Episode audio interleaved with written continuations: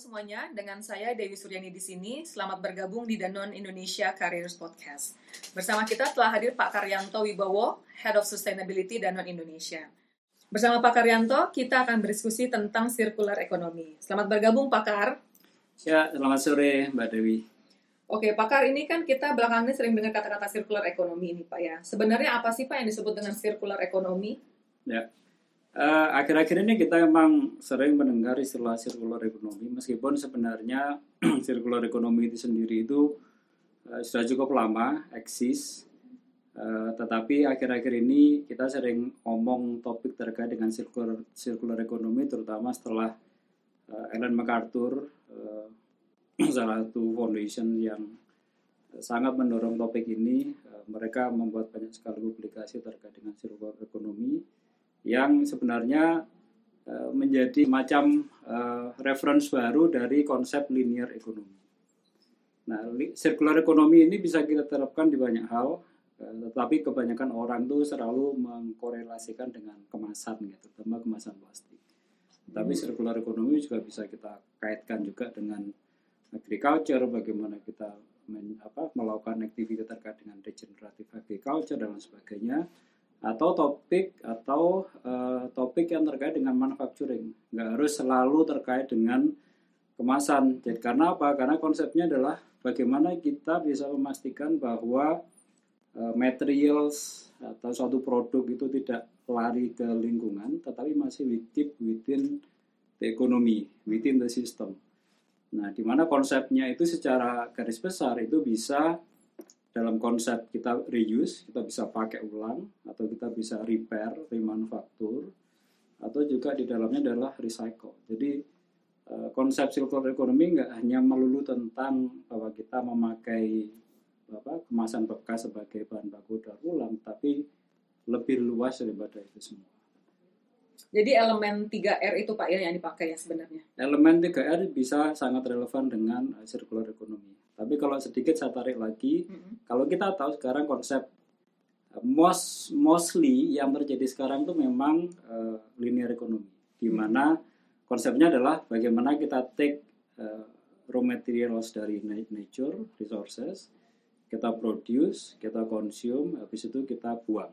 Itu mm-hmm. adalah linear economy. Sekali pakai. Sekali ya? pakai. Tetapi bagaimana kita move away dari konsep seperti itu karena dengan konsep seperti itu kita take more resources dan juga at the end akan polluting environment karena kita hanya membuang hmm. kemasan bekas pakai atau produk yang sudah tidak kita pakai lagi misalkan. Tetapi kita sekarang change ke linear bagaimana kita bisa uh, memakai ulang merepair atau merecycle produk yang sudah tidak terpakai lagi. Sehingga dengan konsep itu maka kita bisa mengurangi dampak ke lingkungan, at the same time juga kita bisa mengurangi secara signifikan uh, resources yang kita ambil dari alam, dari lingkungan. Nah, kembali ke 3R itu juga sangat relevan juga ke circular economy, jadi di mana ada konsep reduce, kita bisa mereduce pemakaian uh, pemakaian materials yang unnecessary, kita juga bisa reuse, memakai ulang ataupun kita bisa merecycle kemasan uh, produk yang uh, bisa didaur ulang. Oke, tadi kan Bapak bilang di globally itu konsep ini mulai uh, dipublikasikan dengan uh, beberapa penelitian dari Ellen MacArthur gitu Pak ya. Kalau di Indonesia sendiri, apa sih Pak latar belakang kenapa circular economy ini menjadi uh, topik yang hangat? Ya, kalau di Indonesia topik circular economy ini menjadi topik yang sering kali diperbincangkan uh, terkait dengan isu yang juga lagi hot atau lagi hangat di Indonesia itu terkait dengan uh, sampah kemasan plastik sebenarnya. Hmm. Jadi kalau kita lihat beberapa tahun terakhir uh, setelah penelitian dari salah satu profesor di Amerika, Profesor Jala Zambek yang beliau dari risetnya mengatakan bahwa Indonesia adalah uh, second largest uh, ya, marine ya? polluters. Hmm. Memang banyak sekali riset-riset yang juga apa namanya uh, yang yang berusaha memvalidasi dari riset tersebut, tetapi uh, ini menjadi eye opener bagi Indonesia bahwa ternyata ada problem yang harus diadres. Jadi problem terkait dengan bagaimana uh, sampah kemasan plastik terutama itu bisa mencemari lautan. dan berdasarkan riset juga kalau if we don't do something atau business as usual maka 2050 itu akan lebih banyak plastik daripada ikan di lautan. Nah, dengan adanya situasi seperti ini, kita mulai berpikir, dan apa yang bisa kita lakukan, what we can do gitu kan untuk menyelesaikan problem ini. Ada banyak hal yang bisa dilakukan yang tentunya tidak apa, yang harus, yang basic yang harus kita lakukan adalah terkait dengan waste management itu secara holistik, tetapi kalau terkait dengan spesifik di circular economy adalah bagaimana kita bisa mulai uh, apa namanya memakai atau mempergunakan uh, teknologi kemampuan kita untuk memakai uh, kemasan yang yang bisa didaur ulang menjadi bahan baku kemudian kita bisa mereduce atau bisa apa namanya mereuse uh, kemasan agar bisa kita pakai lagi. Sehingga semakin sedikit apa sampah kemasan plastik yang lari ke lingkungan. Berbicara tentang Danone, Pak, apa yang mendorong kita untuk mendukung dan berkomitmen menjalankan prinsip uh, circular economy ini?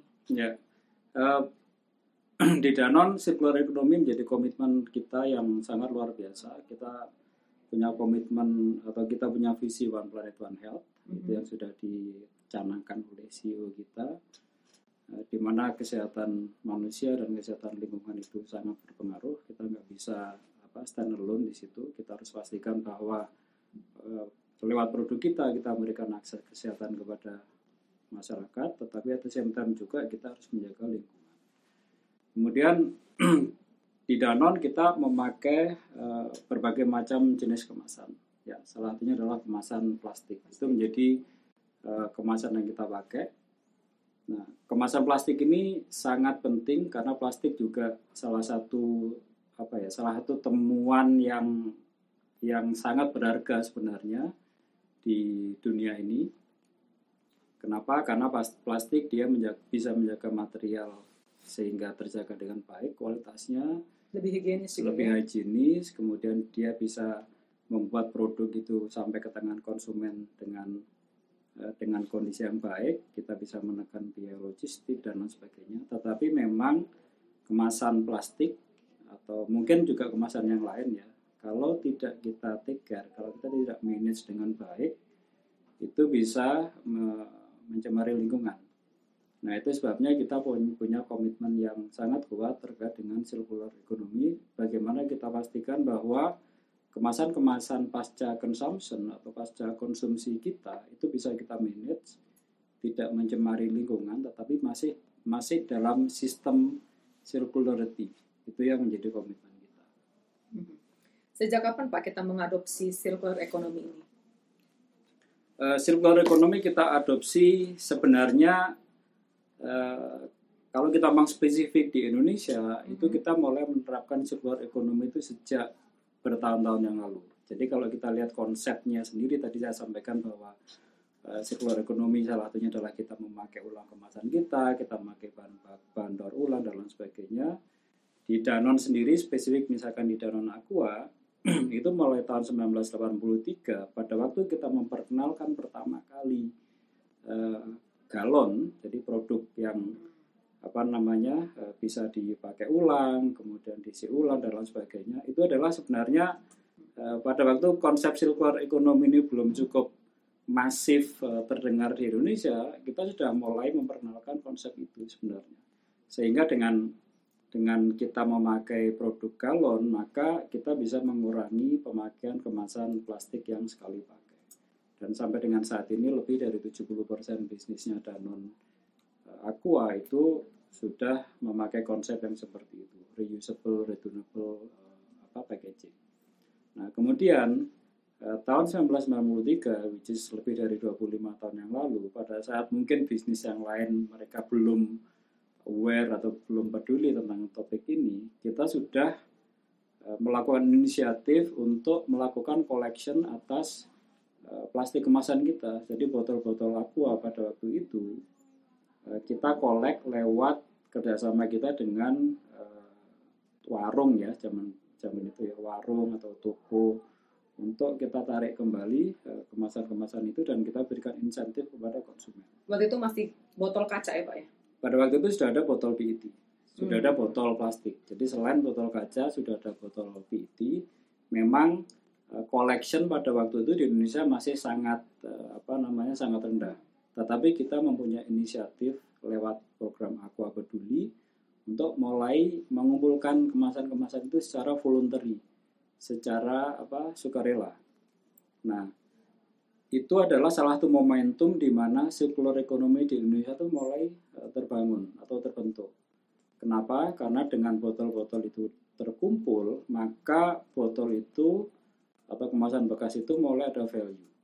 Jadi pada waktu publik mengetahui bahwa oh ternyata botol kemasan bekas ini ada value-nya, dari itu mulai mereka lebih appreciate atas kemasan bekas dan akhirnya mulai timbul apa eh, collection yang secara apa ya secara mandiri mulai timbul pemulung kemudian apa pengepul kemudian recyclers eh, skala kecil dan hal sebagainya sehingga sampai sekarang kalau kita lihat eh, botol-botol kemasan plastik PET itu collection rate-nya di Indonesia itu relatif lebih tinggi daripada kemasan yang lain. Jadi kita pernah melakukan riset collection rate-nya itu sekitar 62%.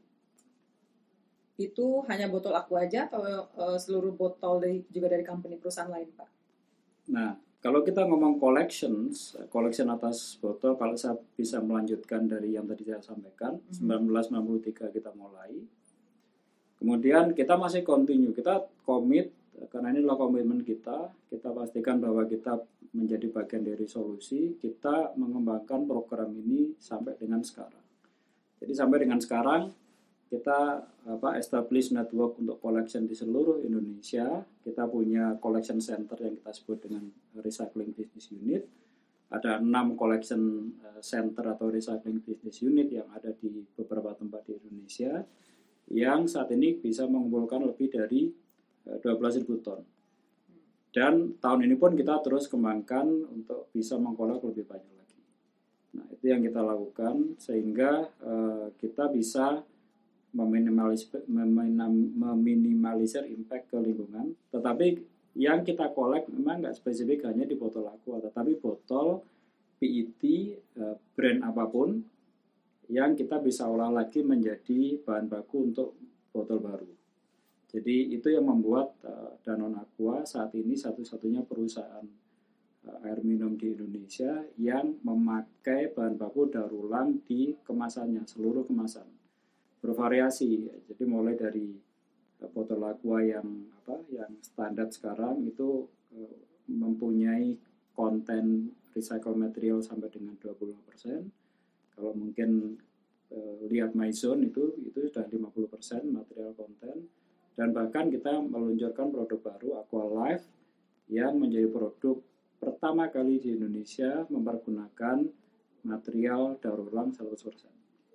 Jadi itu yang kita lakukan sampai dengan saat ini dan kembali lagi nggak hanya spesifik di botol aqua aja, tetapi eh, any PET botol karena botol PET itu adalah salah satu atau PET adalah salah satu material yang recyclable, yang mudah didaur ulang dan nilainya sangat tinggi, eh, mempunyai nilai sangat tinggi untuk bisa didaur ulang lagi. Oke. Eh, tadi kan kita ngomong tentang eh, fokus ke dok- eh, ke program apa ke botol aqua gitu pak ya. Tapi selain itu apa sih pak program yang telah kita jalankan untuk mendukung eh, circular economy ini? Jadi gini, kalau kita ngomong bagaimana kita mendorong eh, circular economy ini tumbuh di Indonesia, Mhm.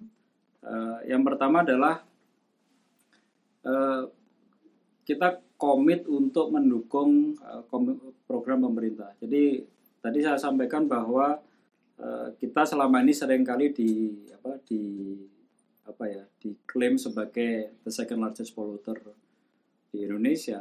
Eh, Tetapi dalam hal ini pemerintah juga mengambil eh, komitmen, mempunyai komitmen yang luar biasa menurut saya, yaitu bagaimana pada tahun 2025 eh, Indonesia bisa mengurangi eh, plastik polluter atau plastik di ocean itu sebesar 70%. Itu adalah komitmen yang luar biasa dan kita sebagai bagian dari ekosistem industri di Indonesia, kita komit untuk mendukung program pemerintah tersebut. Eh, tahun 2018 bulan Juni kita meluncurkan komitmen kita secara terbuka ke publik bagaimana kita bisa mendukung program pemerintah untuk mengurangi uh, polusi sampah kemasan plastik di laut sebesar 70 persen di mana pada waktu itu kita komit di tiga hal uh, lewat gerakan yang kita sebut dengan bijak berplastik atau be wise on using plastic and using plastic. Yang kita fokus di tiga hal. Yang pertama adalah uh, collections. Kenapa collection ini sangat penting? Karena memang ini adalah tantangan yang terjadi di Indonesia. Uh, problemnya bukan bagaimana kita mengelola plastik menjadi produk baru, tetapi bagaimana kita mengumpulkan Eh, kemasan plastik bekas itu dari lingkungan. Kenapa? Karena memang secara infrastruktur kita juga belum cukup memadai. Kemudian dari si penegakan hukum atau policy kita tidak juga tidak lakukan dengan baik juga sehingga ini menjadi fokus kita. Nah, komitmen kita terkait dengan collection adalah bagaimana kita eh, bisa mengumpulkan lebih banyak kemasan plastik daripada yang kita produksi pada tahun 2025. Kemudian komitmen yang kedua adalah terkait dengan edukasi. Karena edukasi ini sangat penting terkait dengan bagaimana kita bisa membantu uh, melakukan perubahan perilaku ke atas uh, apa perilaku terkait dengan uh, buang sampah sembarangan dan lain sebagainya. Karena ini sangat penting bagaimana kita bisa melakukan behavior change dan kita yakin dengan kemampuan kita lewat brand kita, lewat produk kita, kita punya kemampuan untuk mengedukasi konsumen kita. Jadi target kita tahun 2025 kita harus bisa mengedukasi lebih dari 100 juta konsumen kita lewat brand, lewat campaign produk kita. Eh, kemudian kita juga punya target atau komitmen untuk mengedukasi eh, anak-anak sekolah karena ini sangat penting. Kita bisa lakukan itu secara sistematis. Caranya adalah dengan eh, memasukkan program terkait dengan edukasi sampah pengelolaan sampah itu ke sekolah. Nah, tahun ini kita sudah berhasil me membuat modul bekerjasama dengan Kementerian uh, Pendidikan dan Kebudayaan dan juga Kementerian uh, Coordinating apa Maritim dan Investasi membuat modul uh, Sampahku Tanggung Jawabku yang menjadi bagian dari kurikulum untuk anak-anak sekolah dasar. Kemudian yang terakhir adalah uh, inovasi. Inovasi sangat penting dan kita sebagai industri kita punya capability atau kemampuan untuk melakukan inovasi atas produk-produk kita. Kita punya target atau komitmen di tahun 2025 produk kita harus 100% recyclable, mengandung bahan daur ulang dan juga uh, if possible itu compostable. Kemudian kita punya komitmen juga yang terukur kita harus memakai material dari recycle atau bahan daur ulang sebesar 50% pada tahun uh, 2025.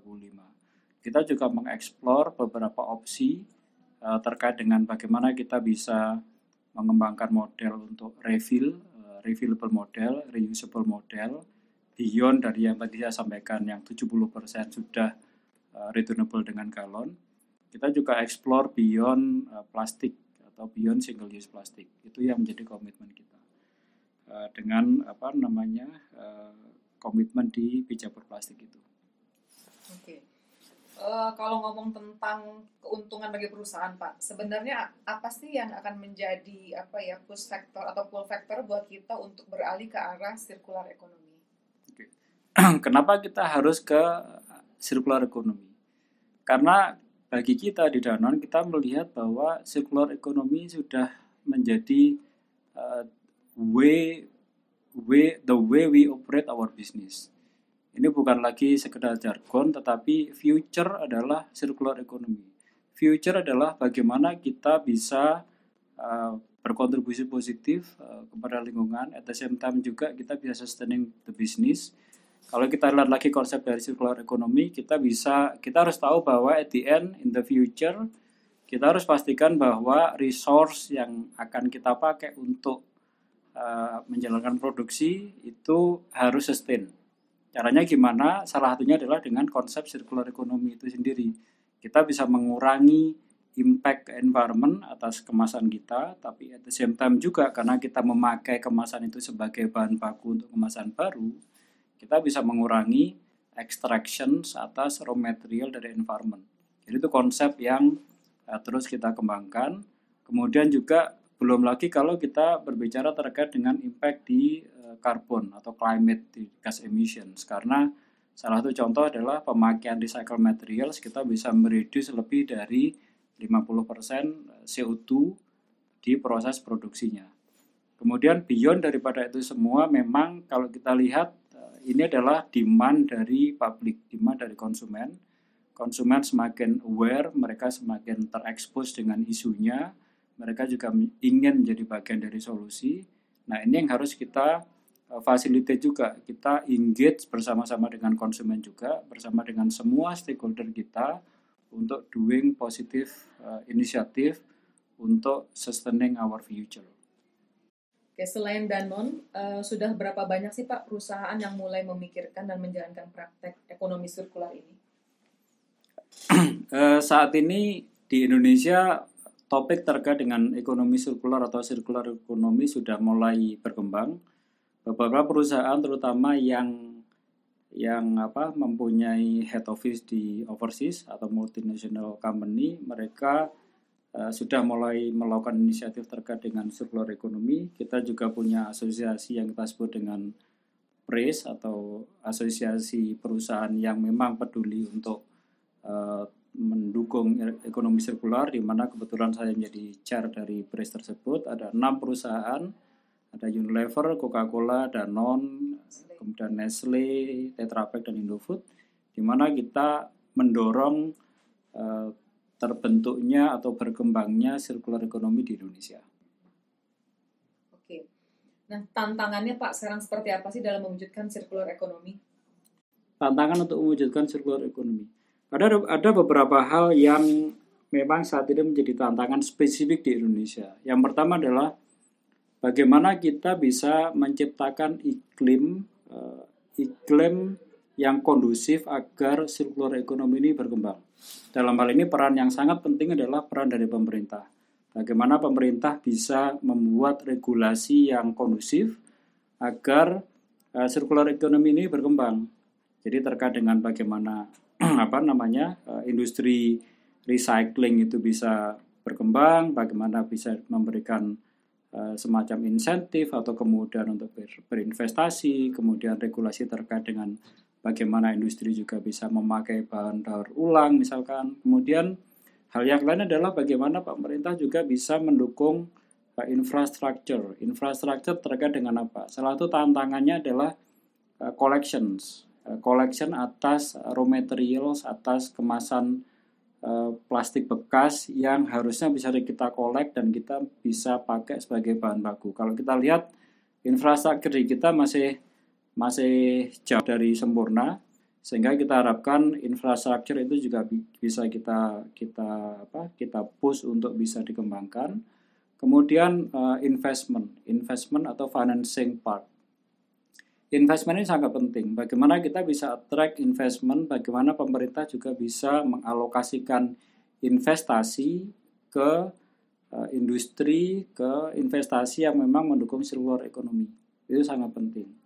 Kemudian uh, industri juga bisa sangat berperan karena industri punya capability untuk berinovasi, uh, memproduksi produk dengan kemasan yang lebih ramah lingkungan, terutama bisa didaur ulang, bagaimana industri juga bisa mengembangkan model-model yang uh, lebih sustain seperti uh, reusable atau bisa di diguna ulang contohnya. Jadi itu menjadi peran dari industri juga.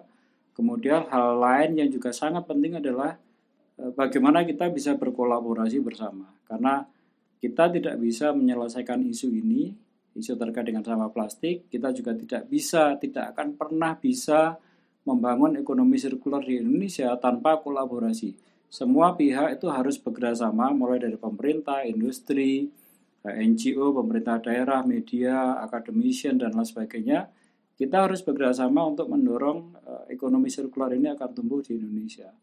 Hal lain yang ingin saya, saya tekankan juga adalah kita jangan pernah berpikir berpikir sektoral, E, merasa lebih penting daripada yang lain. Kita juga berusaha juga sebaiknya menghindari pointing finger, blame game, dan lain sebagainya. Kembali lagi, e, kolaborasi itu sangat penting. Dan kita yakin dengan kolaborasi yang kuat, kita akan bisa membuat ekonomi sirkular di Indonesia ini akan tumbuh dan berkembang. Karena dampaknya kan luar biasa. Dampaknya bukan hanya sekedar kita bisa address isu atau meminimalisir uh, sampah kemasan plastik di lingkungan, tetapi economical impact karena sirkular ekonomi ini akan sangat besar. Terutama di Indonesia di mana informal sektor itu memegang peranan yang sangat penting berapa banyak job yang bisa kita create, berapa banyak uh, apa pekerjaan yang terkait dengan uh, value chain ekonomi sirkular ini akan bisa terbangun. Jadi uh, menurut saya double win, kita bisa solving isu di lingkungan, at the same time juga kita bisa grow our economy. Jadi uh, kita harus dukung ekonomi sirkular ini dengan berkolaborasi bersama. Oke, nah satu pertanyaan lagi nih Pak, atau ada dua lah ya sebenarnya ke depannya perkembangan ekonomi sirkular ini akan seperti apa sih Pak? Ya, tadi saya sampaikan bahwa ekonomi sirkular ini akan ekonomi sirkular adalah future kita. Jadi eh, ini harus kita dorong, tetapi untuk membuat ekonomi sirkular ini tumbuh, memang seperti yang saya bilang bahwa kita harus berkolaborasi, dukungan dari pemerintah, dari private sector, kemudian dari semua pihak di apa value chain ekonomi sirkular ini harus bekerja bersama-sama sehingga uh, ke depan kita bisa membuat ekonomi sirkular ini tumbuh dan berkembang. Oke, jadi uh, salah satu challenge juga adalah sebenarnya masalah kolaborasi tadi Pak ya. Ya. My uh, pertanyaan terakhir adalah sebenarnya sebagai kita ini sebagai seorang konsumen gitu ya konsumer apa yang kita bisa kita lakukan untuk mendukung uh, percepatan ekonomi sirkular ini? Uh, kalau menurut saya kembali ke bagaimana kita bisa berusaha menjadi konsumen yang yang cerdas, konsumen yang uh, mulai menerapkan responsible consumption. Jadi bagaimana kita mulai bisa memilih produk yang lebih sustainable, produk yang seminimal mungkin memberikan dampak ke lingkungan.